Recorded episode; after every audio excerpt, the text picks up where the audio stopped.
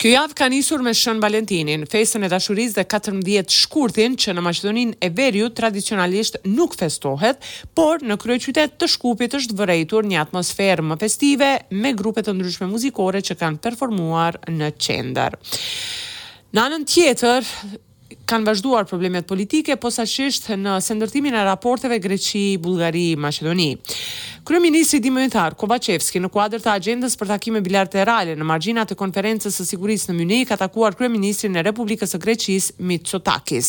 Në takim është shprehur kënaqësia e të dy palëve për forcimin e vazhdueshëm të dialogut politik në vitet e fundit, pasuar nga vizitat dhe takimet e nivelit të lartë që kontribuan në intensifikimin e mëtejmë të dinamikës dhe ndërtimit të besimit mes dy vendeve si dhe rritjen e bashkëpunimit ekonomik.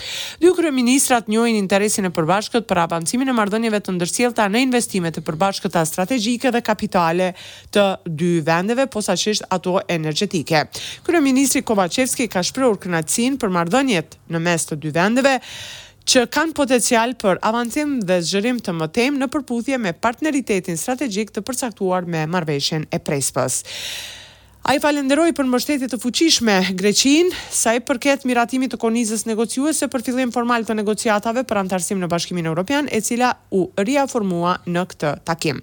Në anën tjetër, shoqëria bullgare vazhdon të jetë e ngathët lidhur me konsolidimin e marrëdhënieve me Maqedoninë e Veriut. Tetëdhjetë për qind janë për veto ndaj Maqedonisë Veriore përkundër asaj që politika aktuale bën përpjekje që të zbusë marrëdhëniet me Maqedoninë e Veriut.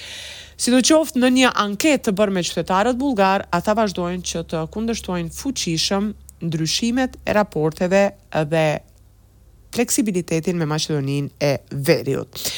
Në anën tjetër, shtetësia dhe problemi me marrjen e saj është aktualizuar. Kryeministri Dimitar Kovaçevski ka takuar kreun e Agjencionit të Sigurisë Kombëtare Viktor Dimovski me të cilin thotë se ka biseduar mbi kërkesat për shtetësi të ngecura në procedurë që janë të shumta. Për më tepër ndjekim deklaratën. Jas se sretnav so direktorot taka kako što vi odgovoriv. Unë u takova me drejtorin Dimovski ashtu siç kisha paralajmëruar. Ai është angazhuar që për javën e ardhshme të përgatisë raportin mbi numrin e madh të kërkesave të mbetura në procedurë dhe të trashëguara nga ish-DSK-ja, pra rreth njëzet mijë të tilla. ASK-ja ka rritur kapacitetin e punës, por është rritur edhe metodologjia e punës për shkak se tani jemi vend anëtar i NATO-s.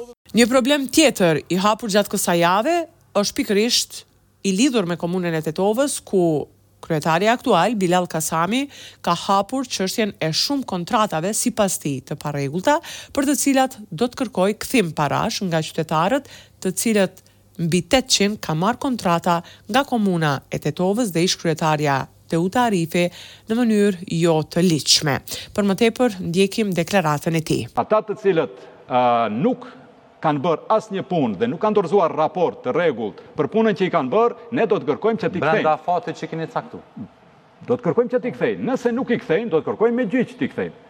Dhe për këtë dëm që është bërë komunës Tetovës, ne veçmë kemi angazhuar avokatë, të cilët po përpilojnë edhe lëndën padi penale kundër menaxhmentit paraprak për dëm që është bërë buxhetit të Komunës Tetovë dhe qytetarëve tetovarë. Një problem është paraqitur edhe për borxhet e energjisë elektrike, qeveria nuk ofron ndihmë financiare në përputhje me ligjin dhe për moment nuk ka ndërmend t'i ndihmojë komunat me para nga thesari i shtetit, pas kërkesës urgjente të Bashkësisë së Njësive të Vetëqeverisjes Lokale për takim urgjent me qeverinë dhe gjetjen e zgjidhjeve, ministri i Ekonomisë Kreshnik Bekteshi ka thënë se autoritetet lokale duhet t'u drejtohen kompanive energjetike në vend dhe jo qeverisë. E sa i përket virusit, vazhdon si një normalitet në Maqedoninë e Veriut. Moshat nga gjashtë katërmbëdhjetë vjeçare rezultojnë si më të prekura nga virusi, thonë nga Komisioni për Sëmundje Ngjitëse, bazuar në analizën e fundit javore në Institutin e Shëndetit Publik. Kreu i Institutit të Shëndetit Publik dhe i Komisionit të Sëmundjeve Ngjitëse thotë se gjendja nuk është shqetësuese dhe se rekomandimi për mësim me prani fizike mbetet në fuqi, por nuk përjashton mundësinë për mësim online nëse gjendja bëhet më alarmante.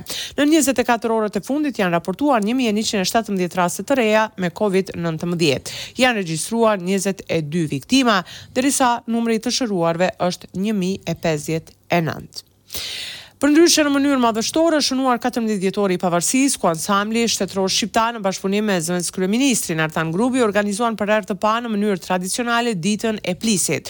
Të pranishëm ishin deputetë, ministra, zëvendësministra, lideri i Bashkimit Demokratik për Integrim, ambasadorët e Shqipërisë e Kosovës, personalitete nga Universiteti i Tetovës, personalitete të kulturës nga Shqipëria e Kosova.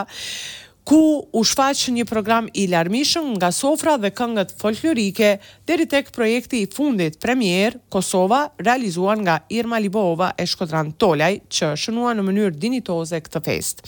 Synimi i institucioneve është që Plisi të kërkohet të jetë në mbrojtje nga UNESCO dhe manifestimi Dita e Plisit të jetë i përvitshëm. Tërë salla e Teatrit Shqiptar në Shkup ishte mbushur me plisa që ansambli u dhuroi të gjithë spektatorëve. u prezantuan këngë e valle tradicionale, duke e ranguar këtë manifestim ndër më të rrallët që kanë ndodhur viteve të fundit tek shqiptarët e Maqedonisë së Veriut. Përndryshe, Ansambli Shtetëror Shqiptar do të niset të dielën për në Dubai për t'u paraqitur në manifestimin Expo dy mijë e njëzet, ku vallet shqipe dhe kënga do të prezantohen në mënyrën më dinjitoze të mundshme. Për radion SBS raporton nga Republika e Maqedonisë së Veriut, Besjana Mehmeti.